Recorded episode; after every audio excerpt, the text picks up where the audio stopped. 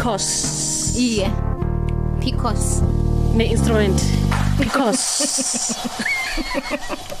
okay so yenza ingoma nje Alright um i polycystic ovary syndrome ngitsho because yeah. Khona usesimamsi okamasilela uh matron ozosiza namhlanje ngePCOS njengoba na ke satsho ngaphambilini bona inyanga yabomma yeke ke siqala amagula athina bomma iye Okay. nobaba sibawa abeke indlebe. Kucakathekile busayi bona sikuveze lokho nasikhuluma ngobaba eh, siba umma abeke indlebe ukwenzela bona Bazwisisane. bazwisisane kwazi ukumsiza ubaba ekhaya. Eh, ubaba naye enza okufanako akhona ukuzwisisa ukuthi umma nasele alila alila ngalokho akatefi. Iye yilo vele ekhona ene kubhlungu um azi nokuthi angamsiza njani. Okay. Sesimamsi uvukile? Ngivukile zuzu nivuke njani nina ngepiko sivukile sasimamsi sivuke nokurareka bona kune-picos sesimamsi ngathi amanye amagulo la eh, nina nande enziwa na? Angisho umahle umasango nayo urarekile ukuthi kuyini kati ihep- ihepatitis leyo eh besirarwe iCovid? Wathi khaniza nayo na? Iza neCovid leyo? Khana le iza neCovid? Umthwalo COVID ngathi iza iphethe ngapha nangapha ithi angisingedwa ngikhamba nokhunye. Yeyi. Awa awa busayi ipikos lekade ikhona ayizi ne-covid nje bubu kuyi-condition ezihlalele lapha yodwa ikhamba yodwa okugula oku-affecta boma okay. Yes. I-affecta bomma ngayiphi indlela sesimamsi sibawo sinabele ngayo nokuthi ke eh bomma abasemnyakeni yiphi yobudala aba abasingozini kukhulu yokuthi bangaba nayo i-because okay ngithokoze zuzu ngithokoze nakubalaleli bekwekwezi FM ngiyalotshisa. I i- i- sibiza ukuthi i- i-PCOS okuma abbreviation we polycystic ovary syndrome. So namhlanje ngisizokungenelela kakhulu kuma hormones ngoba i polycystic i polycystic ovary le ku- ku- ku- kuyinto ebangwa ama hormones angakahlali kuhle. Asiyithome soke i i- polycystic ovary syndrome vane sikhuluma ngobujamo obubamba aboma ukuthi ama hormones wabo akabi akekho ku level e right so ke thina siboma sinama hormones amabili. Ama hormones la yokuthoma i-estrogen ne-progesterone. So ke ama hormones la kuba nomraro kiwo ngokuthi eh aboma abahlangana neminyaka ethoma ku15 up between 15 and 40 and 44 years. Ngibo ke ababa nenkinga le ye polycystic syndrome eyenzakala kakhulu lokho nathi bathoma ukubeletha. So ke i polycystic eh, syndrome le ibamba aboma lapha kuma ovaries mlaleli niyazi ukuthi nasikhuluma ngama ovaries sikhuluma ngendawo elapha ngaphezulu kwesibeletho ephatha amaqanda wabomba ukuthi abomma bakhona ukuthi ba ovulate and then ba- ba- ba- babona amalanga. So ke lapha kuma ovaries kunento lesibiza ukuthi eh i- ama productive organs. Ama productive organs la ngiwo ke aproducer iostrogen le neprogesterone eziregulator ukuthi njalo thina siboma qobe inyanga kube nalento esibiza ukuthi i-menstrual cycle. Ikhiqizwa iproducewa ama hormones amancane wabobaba esiwabiza ngokuthi ama-androgens. Ama-androgens la kuma-hormones thina aboma sinawo kodwana mancane ngoba thina sine-estrogen ne-progesterone. Then-ke ama-androgens la ama-hormones wabobaba kuyenzeka-ke ukuthi uma lo abe nama-androgens amaningi khulu a-overpower ama-hormones wethu thina abafazi then-ke sibuyele kuma-ovaries. Bese-ke ama-ovaries la akhiqiza iqanda ukuthi libe fertile. Lokha nalihlangana nembewu kababa. So qobe inyanga navane kwenzeka ihlelo lelo lokuthi iqanda liyareleaseka yiyo ke into le esibiza ukuthi is ovulation. Umfazi uya ovulate akwazi ukuthi abone amalanga akhe. Kunanaya ke ihormone esibiza ukuthi i-FSH i-FSH mlaleli is a follic stimulating hormones ne? Ayikhambi yodwa ikhamba ne-LH hormones okuma luteinizing hormones. Acontroller iovulation ye-FSH hormone ukuthi istimulate lapha kuma ovaries so that ama ovaries enze njalo iqanda. Bese lapha ke kulapha sekuthoma umraro ke manje lapha ke nakuproduce ke amaqanda la kuba nalento le esibiza ukuthi it's a, it's a, it's a folic sac. I-folic sac le mgodlana omncane ohlala lapha kuma ovaries ophethe iqanda. So ngaphakathi kweqanda leli lakamba kunale kunale hormone le esibiza ukuthi i-LFH so i-LFH le ngiyo ke ethoma i-trigger ama hormones lawa ukuthi a release iqanda elinormal. Why ke kwenzeke njalo? It's because uma nakumele abe nama hormones anormal. Yena unama hormones wabo baba amaningi khulu. Ama hormones wabo baba lawa athome ahlanga hlanganise ama hormones wabafazi. Ngiyo ke lento le esibiza ukuthi it's a polycystic syndrome. Enezuzi ipolycystic syndrome le iyigroup yamathwayo a-affecta wona ama ovaries la ukuthi uma a-ovulate namkha ukwenza that is why ke iza ukuthi esikhathini esiningi uma athi ngine cyst ngine growth zonke lezo zinto lezo ngilezi esizibiza ukuthi i polycystic syndrome le. Because nasithi it's a group of of of of amathwayo affecta ama ovaries that is why uthola bomama abaningi athi ngibuya ku doctor ungidiagnose ukuthi ngine 6 cyst in the ovaries. Une cyst lapha kuma ovaries and unama high levels of male hormones. Ama hormones wamadoda aphakame ekhulu kuwo. And then ke uma loyo uba ne irregular or skipped menstruation ngiyo ke lento le namhlanje esikhuluma ngayo. Sisimamsi sele ukhuluma ngegroup nje obale cyst wabala nama fibroids bengithanda ukubuza bona endometriosis ngenye yawo kodwa na ke ngemva kwentolo ngizokuba usiphendulele umbuzo loyo. Okay. Siyakuthanda ukukulethela imncwato ephambili kikho konke kumaselula ePep. Njenge Hurricane Iris kuCell C nge379 kwaphela neSamsung Galaxy A2 Core eza ngeCell C kwaphela nge1499 kwaphela. Namkha ufumane i16 gig SanDisk Dual Drive USB 3.0 ekhona ukukonnecta ekhompyutheni kunye nefoni nakho ngephasikhulu i129 zitholakala ePep, Pep Home nePepsel kunembandela.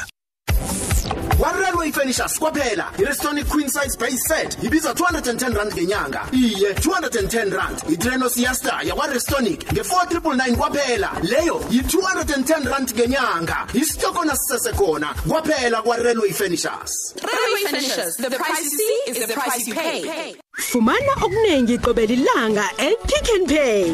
Njengemihlobohlobo yama tea time cakes nge-39.99 ngayinye kunye nekhabishi lePick n Pay namkha ijathwana lespinashi nge-9.99 lilinye. Phezu kwalokho sisisa i-500 million rand bona ufumane imnqatho emkhulu. Zitholakala ngezi-30 July ukuya ngezi-10 August. Isitokona sesekhona. Kunembandela. Fumana okuningi qobela ilanga ePick n Pay. Umoya waboma abambasha ngo-1956 awuragele phambili nokuphephetha. #power. Kukhanya ba khumbula ke mlaleli ukuthi silapha ku-079 4132172 nange unombuzo othinga kusesimamsi ngesihloko sanamhlanje si-079 4132172 inomboro ye-whatsapp yomhatsho ikukwezi FM okumkhumbuza kodwa umlaleli bona sikhuluma ngento eqhakatheke kakhulu um nasikhuluma ngomma bese sikhulume ngamaqanda. Um kamma ubaba uyangena kakhulu lapho ngoba kuba ngezinye zezinto ezibanga eh, ukungazwana ekhaya. Sesimamsi ngaphambi kwenintolo ke sakhulumisa indaba yokuthi ke eh iPCOS le i- i- i- ine group angitsho wasibalela icyst wasibalela ama fibroids ngabuza mina bona endometriosis ingaba eh, ngenye yazo na? I- i- i- i-endometriosis siyazi ukuthi i- i- i- it's a wall of the uterus. So i- kuba nento le esibiza ukuthi endometrium. I-endometrium zinyama lezi ezicovere isibeletho so ke uma one problem ye, ye, PCOS le nj- njalo yena makufanele amenstruate siyazi ukuthi thina sibomma simenstruator 12 times in a year. Kodwana uma one problem le okhuluma ngayo zuzu ye endometriosis umenstruator 8 times.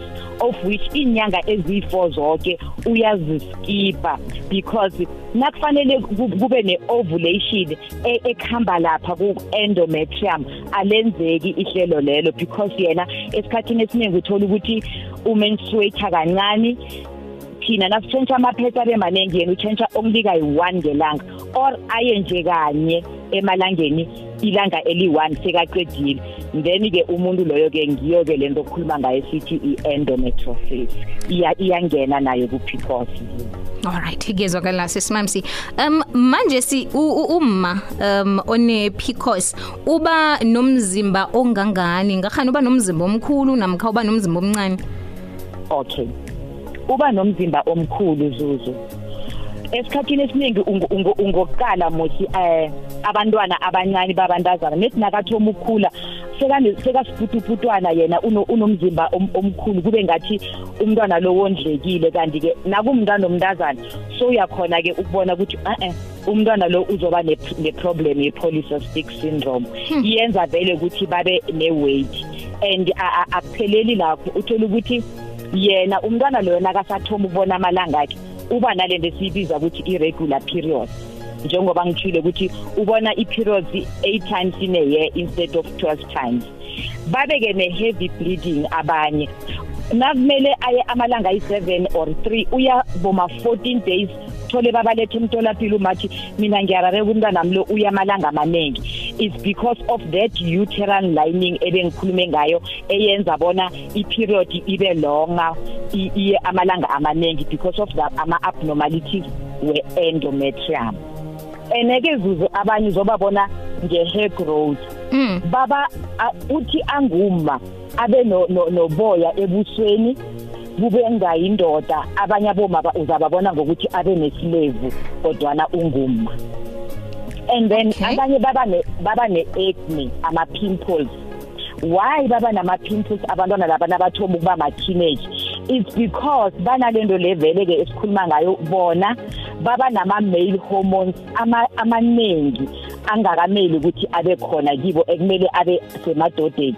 So uthola ukuthi yena kwenzekile ukuthi ama-male hormones aba maningi khulu ahlula ama-hormones wabafazi. And then iskini siyathoma siba oil yilaba abantwana esithola ukuthi bahlala banama-pimples ebusweni noma sibanikela izinto zokususa ama-pimples awasuki. And ama-pimples akhona abanye wathola athi ala esifubeni amanye abe nge- ngemuva. Because ama-male hormones lawa aproducer i-oil eningi e- e- e- ebusweni bagcine-ke banalokho then-ke abanye uzobabona ngale nto esibiza ukuthi it's um, male baldness. I-male balding male pattern baldness. Ukuthi siyazi ukuthi ibandla imila amadoda. Mara uzakurareka ubone umfazi anebandla. Ihluthu zakhe azikho la ngaphambili. Hlale wazi-ke ukuthi uma loyo une-problem ye-polycystic syndrome. And then babe ne-darkening skin. La ngaphasi kwamabele yena unzima khulu nala ngaphasi kwamakhwapha amakhwapha akhe anzima kangangokuthi awafani nesikhumba sakhe nentamo akhe le inzima. Baphathwa yihloko khulu ukudlula abanye abantu.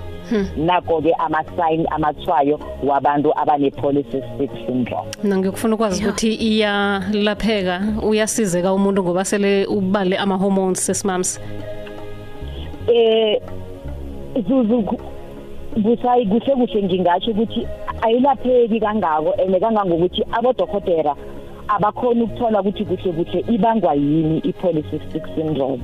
Kodwana into evane yenziwe umuntu na- na- nakeza aphethe i-polycystic syndrome simnikela ama-birth control tablets la amapilisi wokupreventa la ngiwo esibanikela wona ngoba wona asiza ukuregulate i-menstrual cycle yakhe bese kutreateke i-PCOS symptoms. Like nokuthi i- inhluthu zithome zikhule and ne- ne- ne- nama-pimples la angasukiko bese ayasuka. Because uzakuthola ukuthi daba misdiagnose wena uthi utreat utreat ama-pimples kanti kumele umnikele amapilisi okupreventa akwazi ukususa inhluthu ezikhula ngendlela ngathi indoda and then nama-pimples then ke bese sibanikela i-treatment ke lesikhuluma ngayo. Abodokotela babanikela ama-diabetic oral tablets. Amapilisi la we-diabetic bayanikelwa wona kodwana banikelwa amapilisi we-diabetic. Lawa esi- esithi umuntu wakhona une-diabetic type 2 nayo iyakwazi ukutreata ngoba i- i- why si- sifaka amapilisi we-diabetic? Because i-improver i-insulin level.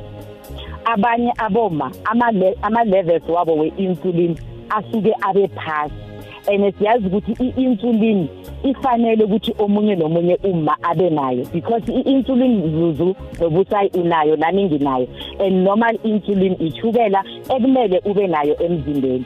So sele ungasenayo ichukela leyo ipancreas lapha ngehla kwesilembe iyabona ukuthi eh, eh, umzimba womuntu lo awunachukela uthome manje u- ipancreas ikhiphize i-insulin. I-insulin leya igcine iseyiningi khulu. Bese-ke ibangela ukuthi uma abe ne-polycystic syndrome that is why-ke sibanikela amapilisi we-diabetic kwangathi sitritha ichukela then-ke abanye sibanikele ama-fertility pills. Udoktor yamnikela ama-fertility pills.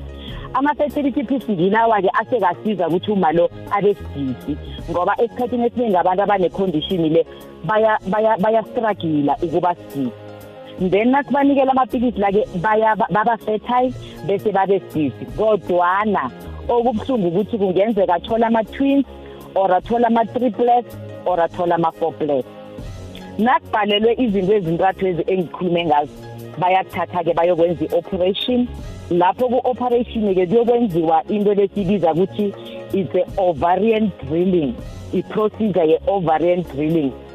Uya etheatre then na- nawufika etheatre kunalento lesibiza ukuthi it's a, it's a, it's a laser or it's a thin heated needle abayifaka lapha kuma i-ovary bayisebenze ngayo.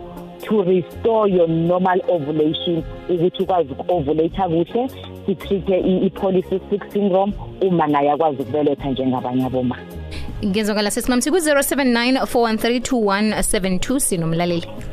Losha sesibusaye nenozuzu nomamsi. Ngisacela ukubuza indaba le yamasitsi le ukuthi i-affecta kangangani nase ufuna umntwana? I-affecta kangangani? Lokho endabeni ukuthi ube nomntwana. Ngiyathokoza. Oh ngithokoze ma. Hello I- busayi nesithekeli sakho lapho. Ngingunonhlanhla ekohasi ngicela ukubuza ukuthi if uya kwesinye isikhathi like kwenye inyanga umistrate like one day then ustope inyanga ilandelayo ku-two day one day kanjalo kanjalo. Lokho kungakubangela lokho akhuluma ngakho. Oh sesimamsi siba usiphendulele um ubahlanganise nakhona lakho okay.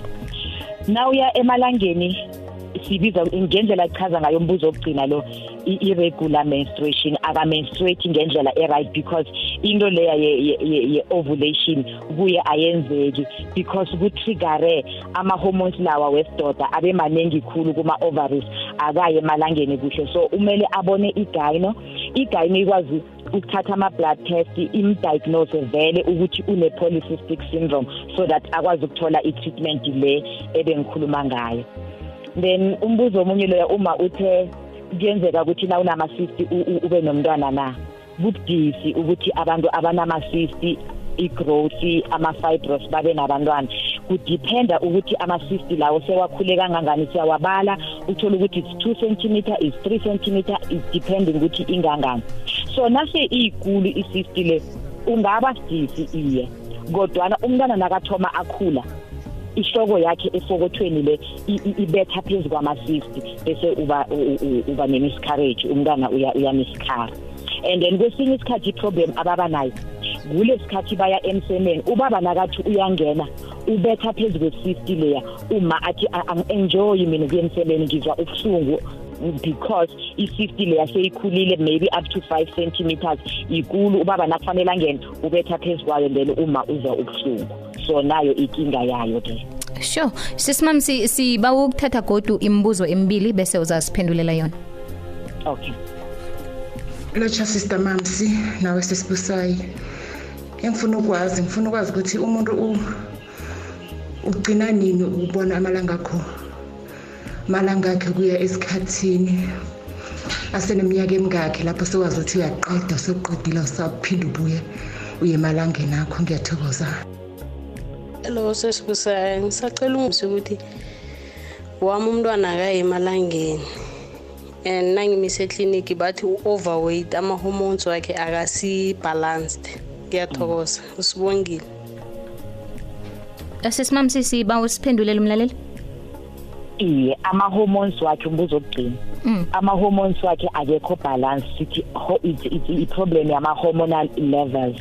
I-oestrogen ne-progesterone leyo bengikhuluma nayo azikho level. Ungakhola ukuthi ziphasi khulu kuphakame i- iphi i- i- i-hormones. Leya yabobaba iphakame khulu. So a- uzo akayi emalangeni. Naye loyo kufanele ukuthi abonane nodokotela vane ngibayelelise ukuthi yazi nawu- nawugula iya ku-specific doctor o- o- o- ofundele khulukhulu into leyo. Udoctor azokhona ukuchecka am- amnikele the right diagnose ukuthi vele inkinga yakhe ngiwo ama-hormones la esikhulumana ngawo. Then amnikele i-treatment ezokwenza ukuthi ama-hormones lazuzu abe balance akhone ukuthi abone amalanga ngoba umntwana loyo nakangabona amalanga nakufanele ukuthi manje athole abantwana uzoba nomraro wokuthola abantwana. Kunje umbuzo omnyenyile utheni zuzu? Ubuze nge ngokuthi umuntu ugcina nini ukuya emalangeni ukubona amalanga akhe. yes yes. The normal menopause age is 41 years. Kodwana kukhona i-early menopause ezenzakalelako. Uthola abantu bakhona at the age of 35 years abasabona amalanga. But the normal one is 41 years. But akusho ukuthi nge-41 leyo vele sowugcinile sowugcinile. Abanye kuyahlala 3 years angaboni isikhathi. E- eminyakeni esi4 nakho kodwa isikhathi sesiyabuya. Until ama ama, ama lawa ebengikhuluma ngawo amaqanda lawa ahlala lapha. Afe aphele vele ungasabi namaqanda. Then ke angeke usabona amalanga because ukuthi ubona amalanga is because ama ovaries lawa enza i-ovulation bese ubona amalanga. That is why vane sithi umuntu okumenopause nakenzeka uthola ukuthi uyabona amalanga athi inyanga le inyanga ezaka kawabona amalanga. Loyo muntu loyo angaba busy because kuthi ukuthi kusesekhona amaqanda lapha ku-ovaries anande akhiqiza sesimamsi amagayinokha akhona embedleleni zombuso namkhana-ke emkliniki A- awekho. A- astarsi eh, asika enkliniki vele angazange khe ngawabona kodwana ebhedlela zombuso akhona but astarsi zizi ngoba ngithumela abantu abaningi ku- ku-government ukuthi bayotholibonana namagayino abawatholi or noma abawathola iyi-one iza ngamalanga akhona. Thola ukuthi ilayini yakhona i- yide eh, nje abantu abalitholi isizo kuhle masiza kugayina. Hello sesibusayo ngisacela ungisi ukuthi wami umntwana oh, akaye okay okay okay. Uma si- simlalelile khe silalele omunye kodwa? Hayi sesimama sinaso sibusayi mina ngicela ukuza umntanami uthe uma yeqala ukuya kuma-menstruation. Like uma yeqeda uba nephunga elibi angazi ukuthi kwenziwa yini.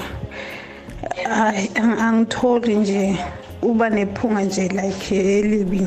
Okay sibawa ukuthatha nomunye kodwa sesimamsi bajabuzayo mina ngibawubuza ukuthi manje nakusuka umenstruata two times a month kusho ukuthini lokho? Kusho ukuthi kubambile or okay. Alright sesimamsi um wokuthoma nakaceda kuyiphunga limbi wesibili um kabili ngenyanga?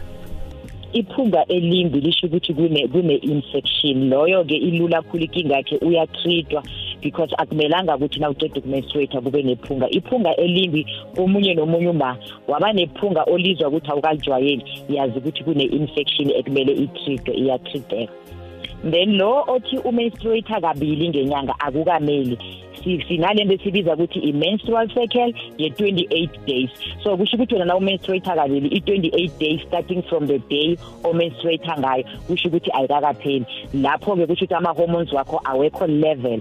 Nguwe-ke omele uthole amapilisi lawa hhayi ngoba sithi siyakupreventisa but sifuna ukucontrola ama-hormones level wakho abe-balance Sisimamsi sithokoza kakhulu ngomzuzu munye okulivala ihlelo lethu la namhlanje ungathini mezwa kugcina kumlaleli. ngingasho zuzu ukuthi khulukhulu kulabantwana laba ab- abasathoma ukuya emalangeni. Abomma babatsheje khulu ngoba kula uthoma ukubona khona ukuthi umntwana lo iki- uzoba nenkinga yokuthola abantwana. Unama hormones lawa kade ngikhuluma ngawo izinto ezinjalo ngoba it's not okay ukuthi umntwana amenstruate kunabantwana athi ngimenstruate 14 days yonke and then umntwana loyo mawuthoma uthi uyamcheck uthola ukuthi unalento esibiza ukuthi eh uluze igazi eliningi une une HD yakhe iphasi. Then ke uyawa athi umntwana uwile esikolweni. So uwe because akanagazi igazi lakhe seliphelile because umenstruate over ngendlela le engakafanele. Ngizokela sesimam sithokoza kakhulu ngelwazi osabelelona sithokoze nangesikhathi sakho sithokoza umsakho. Ngithokoze nakubalaleli bekwekwezi FM zizinyanga le yonke sizobe sifundisana umvezi ukhindi uzasikhethela isihloko. Ukuthi vele emde kuphela inyanga le aboma babuze enye nenye into ephathelana naboma kukhombisa ukuthi kuyinyanga yembokodo wonke umuntu mde abe nelwazi ngobumma bakhe. Ngiyezwakala siyathokoza sesimamsi thokoza